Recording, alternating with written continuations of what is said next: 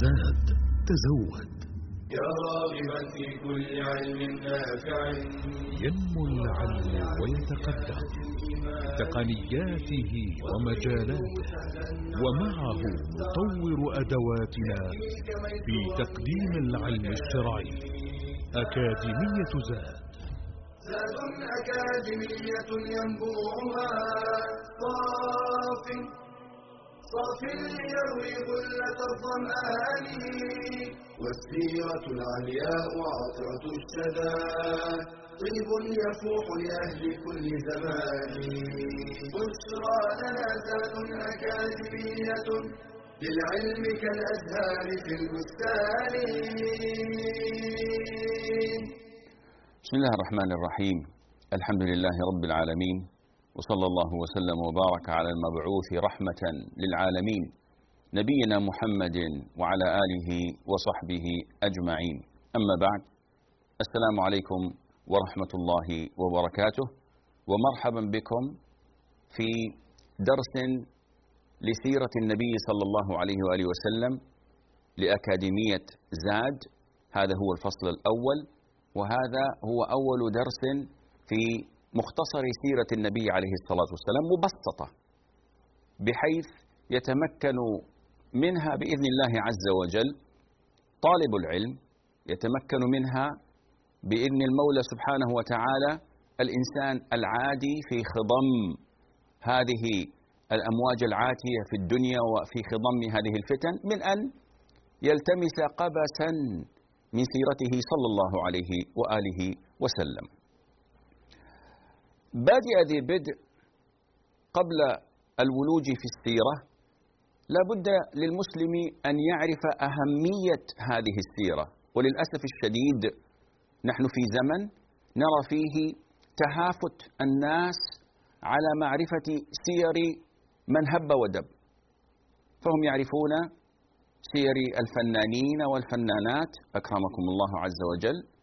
ولاعبي الكرة والرياضيين والسياسيين والأثرياء والمشاهير ويغفلون عن الدرة النفيسة المصونة عن خير خلق الله عز وجل الذي أرسله سبحانه وتعالى للناس بل للعالمين رحمة مهداة صلى الله عليه وآله وسلم.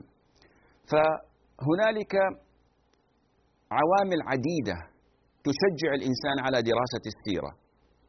وهنالك أسباب وجيهة تدل على أهمية دراسة السيرة ومنها أن سيرة النبي صلى الله عليه وآله وسلم وأنا أقرأ من الكتاب الذي سيوزع عليكم وسيكون منه إن شاء الله وقدر الاختبارات والتقويم. سيرته صلى الله عليه وسلم هي الميزان الذي توزن به الأعمال وهذا كلام مستقى من كلام الإمام سفيان بن عيينة رحمه الله كما أورد ذلك الخطيب البغدادي في الجامع لأخلاق الراوي وآداب السامع في المقدمة. فالرسول عليه الصلاة والسلام سيرته هي الميزان.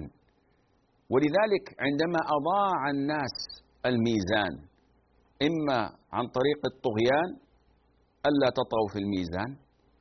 أو عن طريق التفريط فيه أصبحت حياة المسلمين في ضلال لأنه لا يوجد لديهم ما يقيسون وما يقيمون به حياتهم بينما سيرته صلى الله عليه وآله وسلم هي النبراس الذي يقتدى به ويهتدى في ظلمات الليل فهي الميزان الذي أستطيع أن أحدد هل أنا زوج صالح لزوجتي؟ هل أنا أب صالح؟ هل أنا جار حسن الأخلاق؟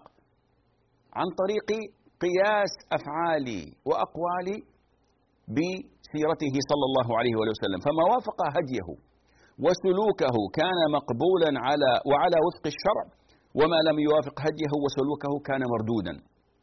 وهذه نقطة هامة في أيامنا هذه. عندما تكون في المجتمع ويأتي أحدهم بكل صفاقة فيقول يا أخي هذا تشدد. هذا تزمت هذا تطرف. ما شاء الله لا قوة إلا بالله. من أين أوتيت هذا العلم يا مولانا؟ الآن أنت تحكم على فعل من الأفعال بأنه تشدد. هل أوتيت أثارة من علم؟ هل عندك دليل من قرآن من سنة؟ فقط. متبع سيرته صلى الله عليه وآله وسلم والمقتدي لهديه هو الذي يستطيع أن يحكم. كم من الجهلة اليوم؟ من يأتي فيقول يا أخي هذه اللحية آه، إنما شكلها ليس بجميل وهذا من التشدد أنت لساعك شباب أنت كذا أنت كذا. يا أخي من الذي يحكم على الأمور بأنها تشدد وأنها أو أنها تفلت؟ أليس هو المشرع؟ أليس هو الذي يتحدث ويتكلم عن وهو آمين آه، من في السماء على الأرض صلى الله عليه وسلم؟ اذا الميزان هو سيرته صلى الله عليه وآله وسلم. ثانيا أنها تجعل بين يدي الإنسان صورة ماثلة للقدوة الحسنة والمثل الأعلى للبشرية في أعظم صورها وهو النبي صلى الله عليه وآله وسلم، لذا أمر الله باتخاذه قدوة فقال عز من قائل لقد كان لكم في رسول الله أسوة حسنة لمن كان يرجو الله واليوم الآخر وذكر الله كثيرا. لو أراد الله عز وجل أن نكتفي بكتاب الله سبحانه وتعالى لأنزل كتابا لكل إنسان وكفى. لأنزل الله عز وجل هذا القرآن وأمر الناس أن يتبعوه وكفى. لكن الله عز وجل أرسل كتابه وهو أعظم كتبه على أعظم رسله صلى الله عليه وآله وسلم. في أعظم ليلة وهي ليلة القدر وفي أعظم شهر وهو رمضان. وفي أعظم بقاع الأرض وهي مكة كرمها الله عز وجل. لماذا؟ كي نتخذ النبي صلى الله عليه وسلم أسوة قدوة إن نظرت إلى فعله ثم جاءك مأفون. أفاك أثيم يقول ما نستطيع أن نطبق هذا؟ لا تستطيع. والدليل أن النبي صلى الله عليه وسلم طبقه وأمر أمته بتطبيقه. فبنظرك إلى سيرته العطرة صلى الله عليه وآله وسلم فإنك تجد فيها ما يصلح للتطبيق في حياتك. وبذلك تهون عليك الأمور، تهون عليك أمور العبادات، تهون عليك أمور المعاملات لأن خير خلق الله عز وجل تعامل بمثل هذا التعامل، وتهون عليك المصائب، تهون عليك الشدائد، فما ابتلي أحد بمثل ما ابتلي به صلى الله عليه وآله وسلم، ومع ذلك صبر، فإن ابتليت بأقل من ذلك نظرت إلى قدوتك صلى الله عليه وآله وسلم الذي أرسله الله عز وجل لتتأسى به ثم هانت عليك هذه الأمور. ثالثا في دراسة السيرة النبوية عون على فهم كتاب الله عز وجل وعمل به لأنه صلى الله عليه وسلم كان خلقه القرآن فكانت حياته عليه الصلاة والسلام كلها تطبيقا للقرآن وعملا به. نجد من الناس من يدعي أن القرآن هو الذي نعتصم به وكفى. وهذا خلل عظيم. هؤلاء المعروفون باسم القرآنيين الذين يتركون ويذرون ولا يؤمنون بالسنة النبوية ليسوا حقيقة مسلمين. من أعرض عن السنة إعراضا تاما وأنكر السنة النبوية أنها مصدر من مصادر التشريع فهذا كافر. لأن القرآن لن يتمكن أحد من فهمه إلا بفهم سنة النبي صلى الله عليه وآله وسلم. وإلا أين تجد في القرآن أن الفجر ركعتان وأن المغرب ثلاث ركعات وأن الظهر والعصر والعشاء أربع ركعات؟ أين تجد في القرآن أن نصاب الذهب والفضة كذا وأن نصاب الخارج من الأرض من زروع وثمار كذا وأن نصاب بهيمة الأنعام كذا إلا من السنة وعلى ذلك فقس. فإذا السيرة مهمة لفهم القرآن لمن ادعى حب الله عز وجل وحب القرآن. ولذا قال صلى الله عليه وآله وسلم لا ألفين أحدكم متكئا على أريكته. يقول ما وجدنا في كتاب الله أخذناه وما لم نجده تركناه. قال عليه الصلاة والسلام ألا إني أوتيت القرآن ومثله معه. ثلاث وعشرون سنة مكثها النبي صلى الله عليه وآله وسلم بين ظهراني أصحابه يعلمهم ويهديهم يتعلمون من هديه وسمته وكلامه وحياته أكثر مما يتعلمون من أوامره عليه الصلاة والسلام لماذا؟ لأن الله عز وجل أرسله لهذا الغرض ولذا عندما سئلت أمنا عائشة رضي الله عنها وأرضاها قال لها أحد التابعين لعله عروة بن الزبير وهي خالته. قال لها يا أمة ماذا كان خلق نبي الله صلى الله عليه وآله وسلم؟ فقالت له أولست تقرأ القرآن؟ كان خلقه القرآن. إذا خلقه دينه هو القرآن مستقى منه. وبذا لو أنت عرفت سيرته لو أنك اتبعت هديه لو أنك مشيت على دربه صلى الله عليه وآله وسلم لعرفت ومن ثم للزمت فبهذه السيرة أن تعرف القرآن وتفهمه وتطبقه.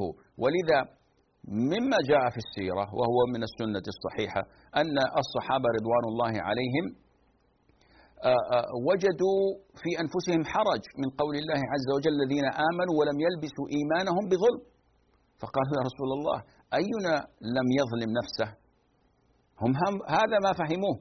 لم يلبس لم يلبسوا إيمانهم بظلم. فظنوا أن الظلم هذا ظلم الإنسان غيره تقصيره تفريطه هذا كله ظلم. فقال صلى الله عليه وآله وسلم ليس الأمر كما تظنون. ألم تسمعوا قول الرجل الصالح إن الشرك لظلم عظيم؟ ففسر هذه الآية بتلك الآية. وأن لك تعرف أن تعرف تفسيرها إلا لما يأتيك البيان الواضح من النبي صلى الله عليه وآله وسلم. إذا سيرته مهمة عندما ينزل الآيات منازلها كما جاء في حديث السعي بين الصفا والمروة في صفة عمرته وحجه عليه الصلاة والسلام أنه عندما ارتقى الصفا قال إن الصفا والمروة من شعائر الله. قرأ الآية وقال نبدأ بما بدأ الله عز وجل به. فابتدأ بالصفا ولم يبتدئ بالمروة. لماذا؟ لأن سيرته صلى الله عليه وآله وسلم بينت لنا ووضحت لنا كتاب ربنا عز وجل.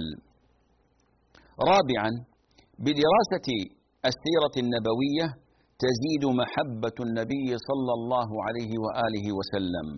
وذلك بالاطلاع على الجوانب العظيمة في حياته وقد قال صلى الله عليه وآله وسلم لا يؤمن أحدكم حتى أكون أحب إليه من ولده ووالده والناس أجمعين. متفق على صحته. محبة النبي عليه الصلاة والسلام ليست بترف إنما هي أمر هام ينبغي على كل مسلم أن يعتنقه وأن يؤمن به. وللأسف الشديد الناس قد انقسموا إلى أطراف شتى إلى يعني طرفي النقيض وإلى وسط. هنالك من أفرط في حب النبي عليه الصلاة والسلام إلى درجة أنه خرج عن الجادة فغلا فيه صلى الله عليه وسلم وأنزله منازل الربوبية وأعطاه من الأمور ما لم يعطها لنفسه ولم يمنحه إياها ربنا عز وجل. فادعى أنه يعلم الغيب وأنه يتصرف في الأكوان وأنه حاضر ناظر وأمضوا حياتهم في مدحه والغلو فيه وادعاء أن من علمه علم اللوح والقلم. فغلوا فيه غلوا عظيما وقد نهى صلى الله عليه وسلم عن ذلك. لكنهم معرضون عن نهيه. معرضون عن هديه. قال لا تطروني كما أطرت اليهود والنصارى أنبياءهم. لا تفعلوا ذلك. نهى أن يتخذ قبره صلى الله عليه وآله وسلم عيدا. فهذا الغلو موجود للأسف الشديد ولكن بدراسة السيرة تنال محبته صلى الله عليه وآله وسلم. هنالك فاصل بسيط. ابقوا معنا وسنواصل بإذن الله عز وجل.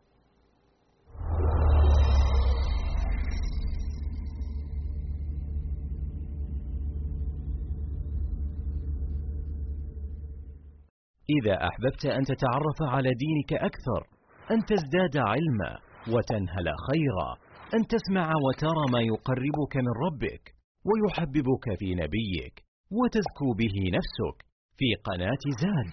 تجد ذلك وأكثر. تصفح وتجول في واحة إيمانية من مقاطع مميزة من إنتاج مجموعة زاد. تتنوع بين المادة العلمية والرقائق الإيمانية والفواصل الدعوية المحترفة إعلامية والمؤصلة منهجية. تخاطب الرجال والنساء الكبار والصغار تدعو البعيد وتؤنس القريب. مقاطع motion graphic مميزة دورات علمية متخصصة فواصل درامية شيقة لقاءات دعوية ممتعة برامج تلفزيونية وندوات شرعية. شاهد شارك. انشر. مجموعة زاد تقدم لكم نخبة مميزة من إصداراتها. كتاب كيف عاملهم صلى الله عليه وسلم للشيخ محمد صالح المنجد. أربعون نصيحة لإصلاح البيوت. أدرك أهلك قبل أن يحترقوا. المجمعات التجارية آداب وأحكام. زاد الحج. زاد الصائم. طوبى للشام. كيف تقرأ كتابا؟ معاني الأذكار. اترك أثرا قبل الرحيل. وكتاب بدعة إعادة فهم النص. لمزيد من المعلومات يرجى زيارة المواقع التالية.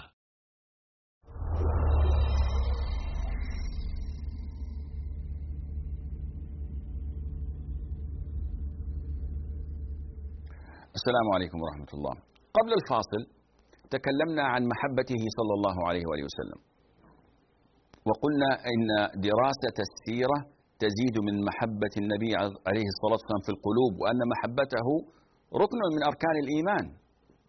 ولا شك في ذلك ولذا الناس قد انقسموا إلى قسمين. قسم قد غلا في حبه وخرج بحبه زعما منهم عن الجادة. وإن كنت حقيقة تحبه, تحبه لا كنت يعني اتبعت هديه ولا اتبعت أمره واجتنبت نهيه صلى الله عليه وآله وسلم لأن هذا تحقيق لشهادة أن محمد رسول الله طاعته فيما أمر واجتناب ما عنه نهى وزجر وتصديقه فيما أخبر وأن لا يعبد الله عز وجل إلا بما شرع. هذا حقيقة شهادة أن محمدا عبد الله ورسوله صلى الله عليه وسلم. على الطرف الآخر هنالك الجفاة هنالك قساة القلوب الذين لم يعرفوا سيرته عليه الصلاة والسلام ولم يرفعوا بذلك رأسا. لا قرأ سيرته ولا يعرف أي شيء عن مغازيه ولا عن حياته ولا عن أخلاقه صلى الله عليه وسلم. وكم يعني سألنا الناس وسبرنا أحوالهم وقلنا لشبابنا في المدارس وفي الجامعات بل وحتى الرجال الكبار. سألناهم عن غزوة أحد. متى كانت؟ عن غزوة بدر. متى كانت؟ عن غزوة تبوك. ماذا تعرفون عنها؟ والله لا تجد عندهم شيئا. وسبحان الله لو سألتهم عن من الذي فاز برشلونة ولا ريال مدريد أعطوك النشرة ل 15 سنة قد مضت. عن النتائج وعن من كان في الاحتياط وعن من الذي سجل الأهداف. هل هذا يعقل؟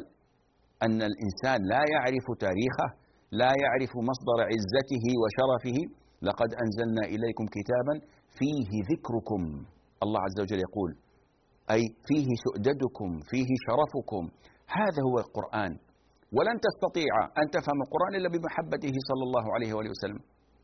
لذلك هنالك من الناس من فيهم جفوة وفيهم غلظة.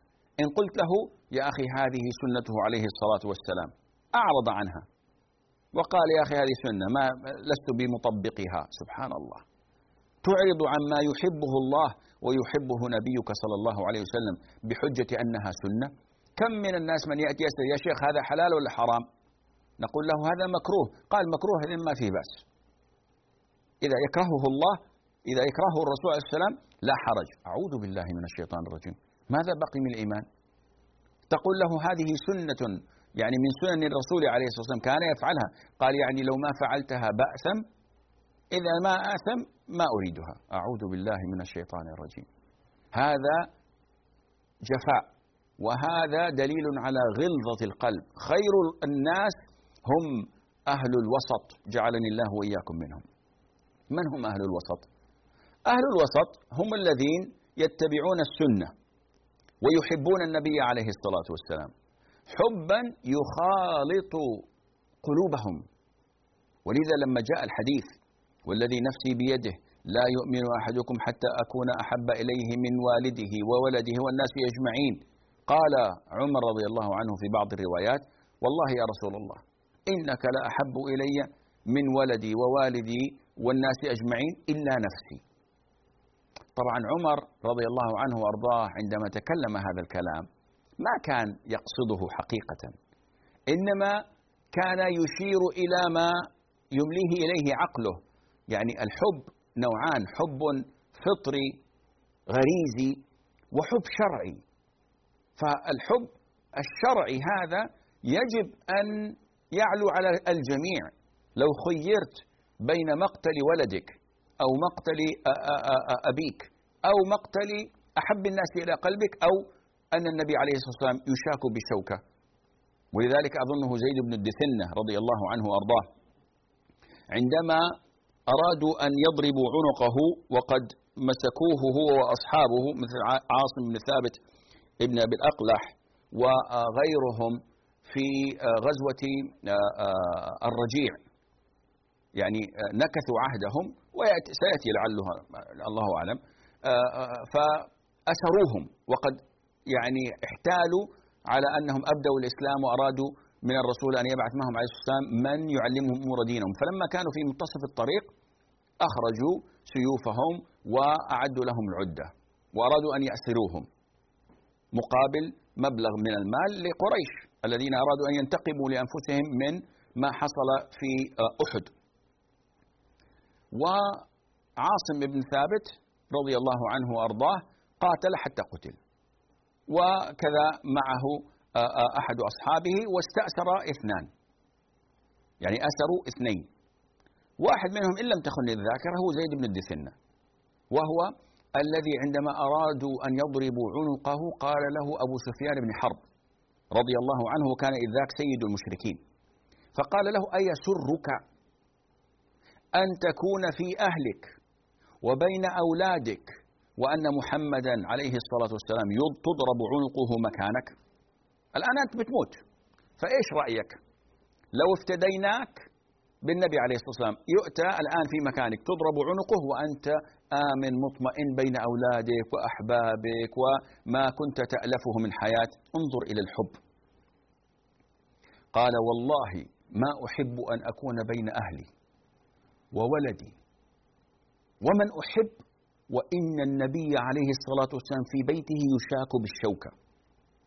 قال أنا رقبتي تضرب ولا يشاك عليه الصلاة والسلام وهو في بيته آمن مطمئن بشوكة. أمجنون أنت؟ تريد إنه أني أفتدي النبي عليه الصلاة والسلام بنفسي؟ لا والله فداه أبي وأمي صلى الله عليه وآله وسلم. هذا هو حقيقة الحب. هذا هو الحب الذي يجب يلزم أن يملأ قلب كل مسلم. فعمر رضي الله عنه أشكلت عليه قليلا فنطق بما ظن. فلما قال هذه المقولة قال عليه الصلاة والسلام لا يا عمر حتى تكون نفسك التي بين جنبيك. يعني هذا ما يصلح ما تؤمن إلا لما أكون أنا أحب إليك حتى من نفسك التي بين جنبيك. فسكت هنيهة رضي الله عنه. شوية كذا سكت. توقف تأمل ثم قال والله يا رسول الله إنك لأحب إلي من ولدي ووالدي والناس أجمعين ونفسي التي بين جنبين. فقال له الآن يا عمر الآن آمنت. هذا هو حقيقة الإيمان. وعمر هذا أيضا مشكلته مشكلة أخرى رضي الله عنه وأرضاه. يعني سبحان الله يأتي في الأخير ويتبوأ أعلى المناصب. ما أسلم من أول سنة ولا ثاني سنة ولا ثالث ولا رابع ولا خامس ولا سادس سنة. أسلم في السنة السادسة السادسة من البعثة. ولكن في لحظات أصبح ثاني أهم شخصية في التاريخ الإسلامي وفي أمة الإسلام. أصبح ثاني أحب إنسان إلى النبي صلى الله عليه وآله وسلم بعد أبي بكر. ولذلك كان دائما يقول ذهبت أنا وأبو بكر وعمر ودخلت أنا وأبو بكر وعمر وهو صاحبه في دفنه صلى الله عليه وسلم فهو وأبو بكر مدفونان مع النبي صلى الله عليه وسلم في الحجرة الشريفة. هذا عمر أمر آخر. ولذا محبة النبي عليه الصلاة والسلام يجب أن تملأ الوجدان يجب أن تملأ حياتك تعظيمك للنبي عليه الصلاة والسلام لا يكون إلا باتباع سيرته. تقرأ سيرته تتعلم. ونحن نرى في السنوات الماضية وربما رأينا ذلك في السنوات القادمة عندما يتجرأ أعداء الله من الكفار فينالوا منه عليه الصلاة والسلام. كما حصل في الصور المتحركة أو الصور المسيئة. في الدنمارك أو في آه، فرنسا أو في غيرها. عندما يحصل هذا الأمر ترى المسلمين يهبون لإنكار هذا الأمر. فمنهم من يغلو وهذا الذي يحصل في المظاهرات والحرق والتفجير والعمليات الإرهابية. هذول محبين للنبي عليه الصلاة والسلام لكنهم أخطأوا الطريق. لأن لو كان حبهم صادق لما فعلوا هذه الأمور التي ينكرها الرسول عليه الصلاة والسلام أيما إنكار. ولذا لو تتعلم سيرته وتدرسها حق الدراسة تعرف كيف تحب كيف تحبه صلى الله عليه وسلم. ذاك الحب المتوازن الذي يرضاه الله عز وجل ويرضاه النبي صلى الله عليه وآله وسلم. خامسا شمائل النبي صلى الله عليه وآله وسلم. وسيرته هي المنهج العظيم للمسلم. هذا المسلم الذي يريد الخير والحياة الكريمة في الدنيا والآخرة. ما هو المنهج؟ هذا المنهج الذي نتكلم عنه. أنت عندما تدرس شمائل النبي عليه الصلاة والسلام إيش يعني شمائله, شمائله عليه الصلاة والسلام؟ أخلاقه صفاته. لما تنظر إلى كرمه كرمه مو طبيعي كرم ليس طبيعيا. لأنه كان يعطي كما جاء في قول الأعرابي عطاء من لا يخشى الفقر. إذا سئل رداءه الذي ليس له غيره فإنه يعطيه. ما قال لا إلا في تشهده ولولا التشهد لكانت لاؤه نعم. كيف ما تحبه؟ كيف لا تحبه؟ صلى الله عليه وآله وسلم. النبي اللهم صل وسلم عليه له من الأخلاق الشيء العظيم. بدراستك السيرة تتعلم الكرم. أعطى أعرابيا ما يعرفه. غنما بين واديين يعني ألف غنمة ألف شاة. أحدنا قد يظن بالشاة عنده لو أتاه سائل. الرسول عليه والسلام رأى هذا الأعرابي ينظر إلى تلك الغنائم التي جمعت من حنين وقد فغر فاه. يعني فتح فمه بطريقة أنه مندهش. إيش المال هذا؟ إيش لو أحد لو أحدنا لو أن أحدنا رأى معرضا للسيارات. فيه الميباخ فيه الفراري فيه المزراتي فيه البورشات فيه الأوستن مارتن. سيارات. ربما إن كان محبا للسيارات يفغر فاه بهذه الطريقة. النبي صلى الله عليه وسلم ينظر إليه فيقول له أتحبه؟ هذا الغنم يعجبك؟ قال نعم. قال هو لك. الرجل فر إلى قومه. يقول يا أيها الناس أسلموا وأقبلوا على محمد. فوالله إنه لا يعطي عطاء عطاء من لا يخشى الفقر. هذا سيدنا عليه الصلاة والسلام. هذا هو قدوتنا عليه الصلاة والسلام. أما بالنسبة للشجاعة فحدث ولا حرج. علي رضي الله عنه وأرضاه يقول كنا إذا حمي الوطيس يعني في القتال تترسنا بالنبي عليه الصلاة والسلام. علي الشجاع يختبئ وراء الرسول عليه الصلاة والسلام الذي يقدم على القوم على الكفار بجسده غير خائف ولا هائب يقول أنا النبي لا كذب أنا ابن عبد المطلب. تعالوا. صلى الله عليه وآله وسلم. إذا تتعلم من شجاعته. سيرته هذه شمائله هذه في خضم الفتن المتلاطمة الأمواج في هذه الأيام عبارة عن التترس به عليه الصلاة والسلام. لما نرى التكفيريين لما نرى الخرافيين من عباد القبور لما نرى أولئك العقلانيين من معتزلة وغيرهم ممن غيروا دين, دين الله عز لما نرى تعامل المنافقين ولتعرفنهم في لحن القول يبان من فلتات لسانهم ماذا نفعل؟ ما نستطيع أن نفعل إلا أن نتترس بسيرته صلى الله عليه وآله وسلم وأن نتعلم من أخلاقه وشمائله وبذلك تعلم أن هذا هو المنهج الذي لو اتبعته نجوت. إيش يقول أبو بكر رضي الله عنه لعمر في غزوة الحديبية؟ قال يا عمر إلزم غرزه. يعني محل ما يكون تمسك بهذا الحبل الذي يربط السراج على الجمل أو على الناقة إلزمه وتمسك به تنجو وأنت إذا تمسكت بشمائله صلى الله عليه وآله وسلم نجوت بإذن الله عز وجل. فاصل آخر ونواصل بإذن الله عز وجل.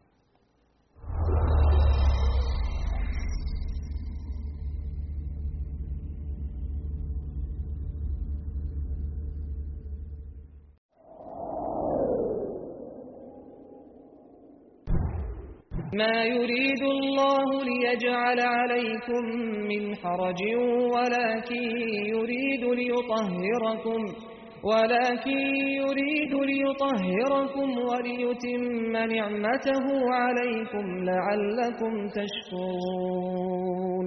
من رحمة الله تعالى بعباده الرخص لهم في المسح على الخفين والجوارب في الوضوء بدلا من غسل الرجلين.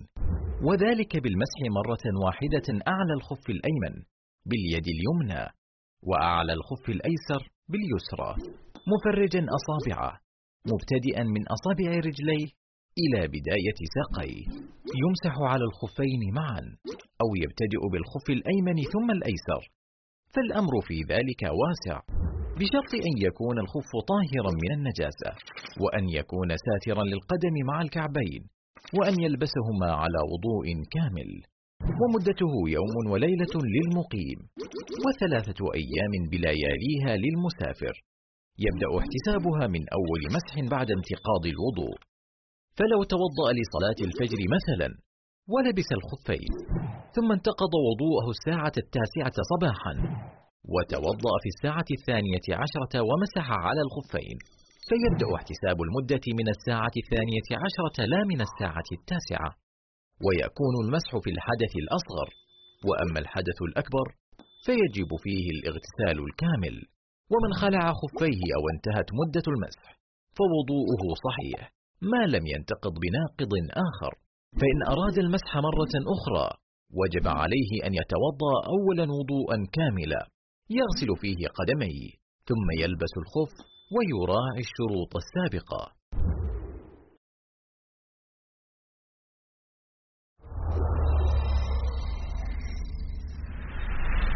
قناة زاد العلمية.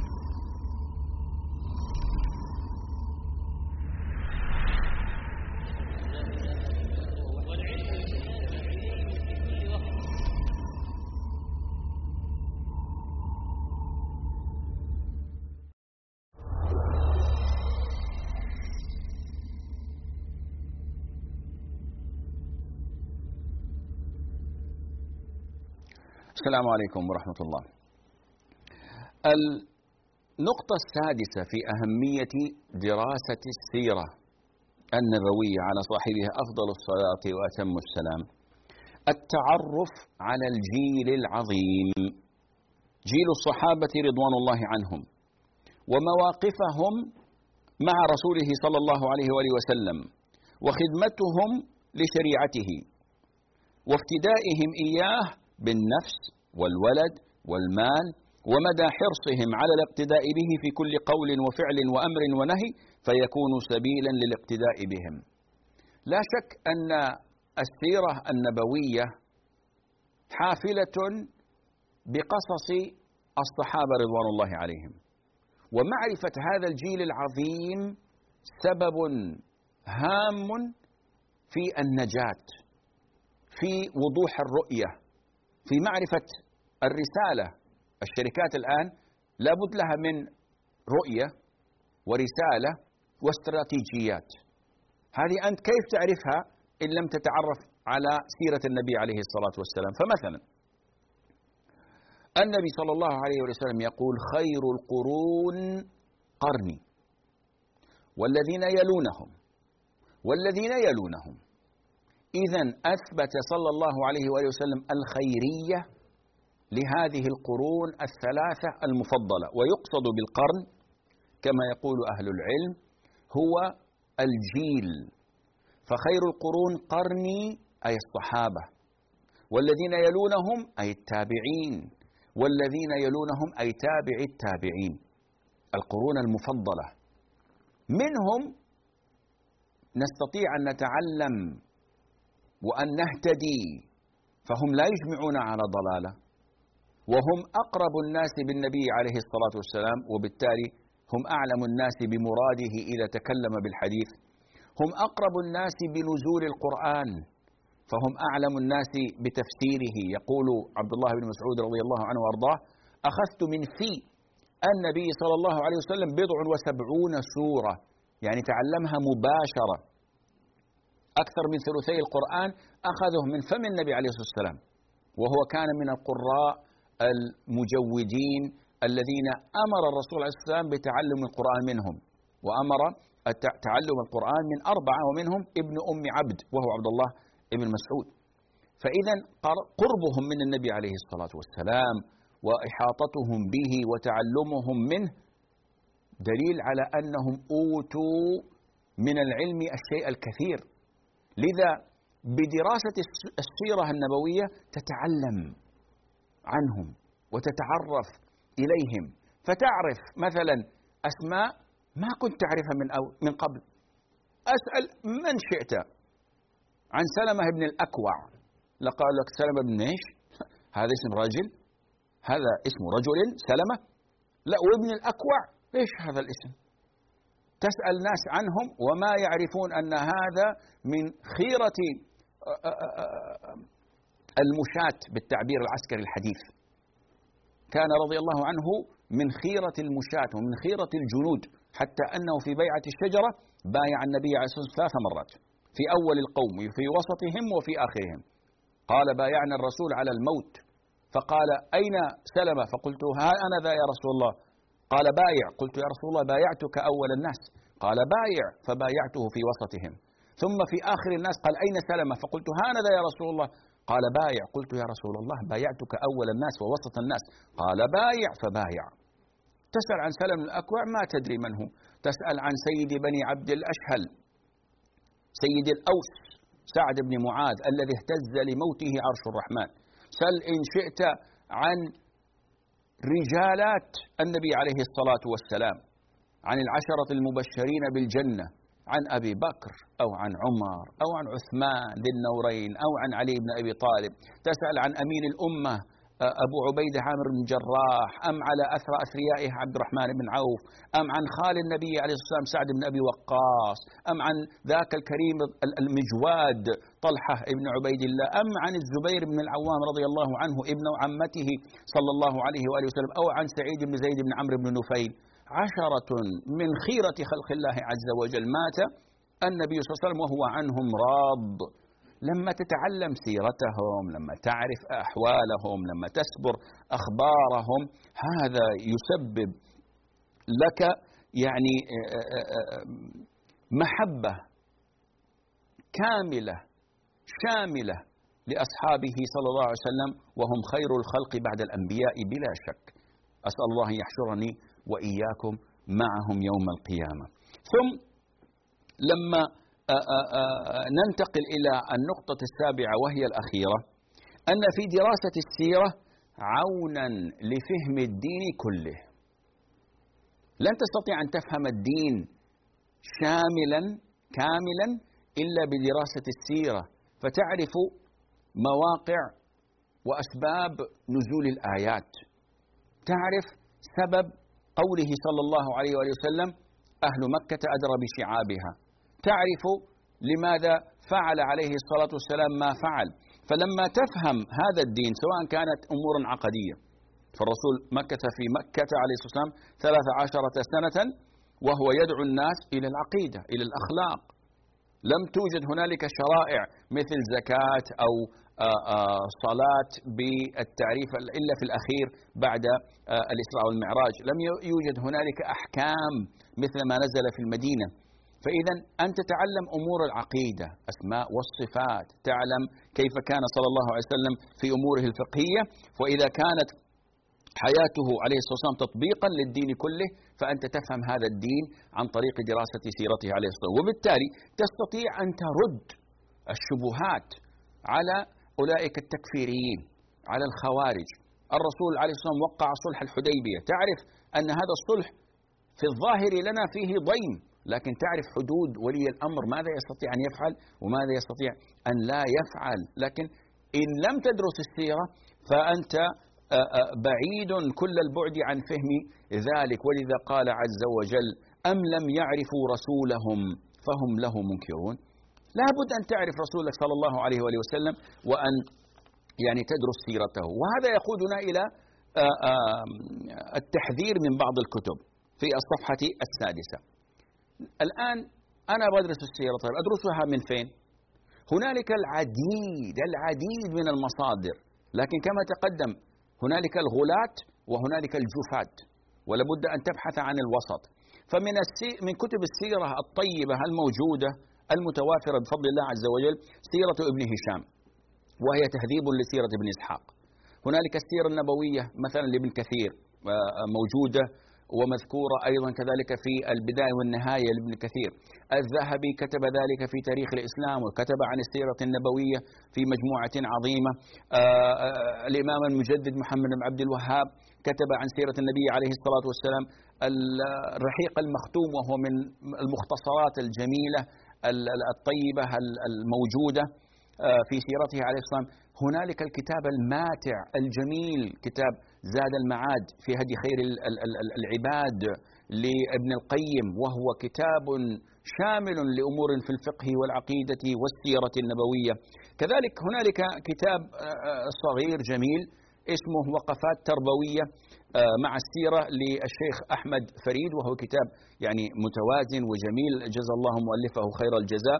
كذلك هنالك السيرة النبوية الصحيحة للدكتور أكرم ضياء العمري وهو كتاب أنصح آه، طلاب العلم باقتنائه والقراءة فيه فإن فيه آه، الشيء الجميل. هنالك كتب قد تختلف معنا عقديا ولكن فيها من الفوائد ما ينبغي فقط لطالب العلم أن يقرأ فيها وإلا آه، كتابها يختلفون معنا إذ أنهم ليسوا من أهل السنة والجماعة مثل الغزالي محمد الغزالي والبوطي رحمهم الله في كتاب آه، فقه السيرة أو السيرة النبوية ونحو ذلك. إلا أن هنالك كتب لابد للمسلم أن يحذر منها. فالكتب التي ألفها الخرافيون عباد القبور وغلوا في أمور الرسول عليه السلام وذكر معجزاته. الكتب التي ألفها الرافضة الشيعة فهؤلاء من أكذب الخلق ولا يشك في ذلك أحد وهم أعداء الدين. كذلك هنالك مثلا الكتب الأدبية كالعقد الفريد وككتاب الأغاني للأصفهاني. أظنه نعم لأبي فرج الأصبهاني آه، أو العقد الفريد لابن عبد ربه الأندلسي. هذه كتب أدبية يدخل فيها ما يعني يراه الكاتب مناسبا لكنه فيه الكثير الكثير من الخرافات ومن الأحاديث الموضوعة والمكذوبة. ولا شك أن أعظم مصادر السيرة النبوية كتاب الله عز وجل. وفيه ذكر لشيء من هذه الوقائع ثم الكتب السنة فصحيح البخاري صحيح الإمام مسلم آه، آه، سنن أبي داود النسائي الترمذي ابن ماجه وغير ذلك مسلم الإمام أحمد موطن الإمام مالك. هذه كلها كتب سنة لكنها تحتوي على الكثير الكثير من صحيح السيرة والنبوية آه، صلى الله عليه وآله وسلم. لذا ينبغي على المسلم أن يتأكد من صحة مصادر السيرة وأن يتجنب هذه الكتب الأدبية التي يدخلها الكثير من الدس والأحاديث الموضوعة والأخبار الباطلة مثل كتاب الأغاني وكتاب العقد الفريد. آه، والله أعلم ونسبة العلم إليه أسلم. وبهذا ننتهي من آه، هذه الحلقة الأولى في مختصر الدراسة دراسة السيرة النبوية حتى نلقاكم في حلقة أخرى. أترككم في أمان الله. والسلام عليكم ورحمة الله وبركاته. يا راغبا في كل علم نافع متطلعا لزيادة الإيمان وتريد سهلا النوال ميسرا يأتيك ميسورا بأي مكان. زاد زاد أكاديمية ينبوعها. صاف صاف ليروي غلة الظمآن. والسيرة العلياء عطرة الشدى. طيب يفوح لأهل كل زمان. بشرى لنا ذات أكاديمية للعلم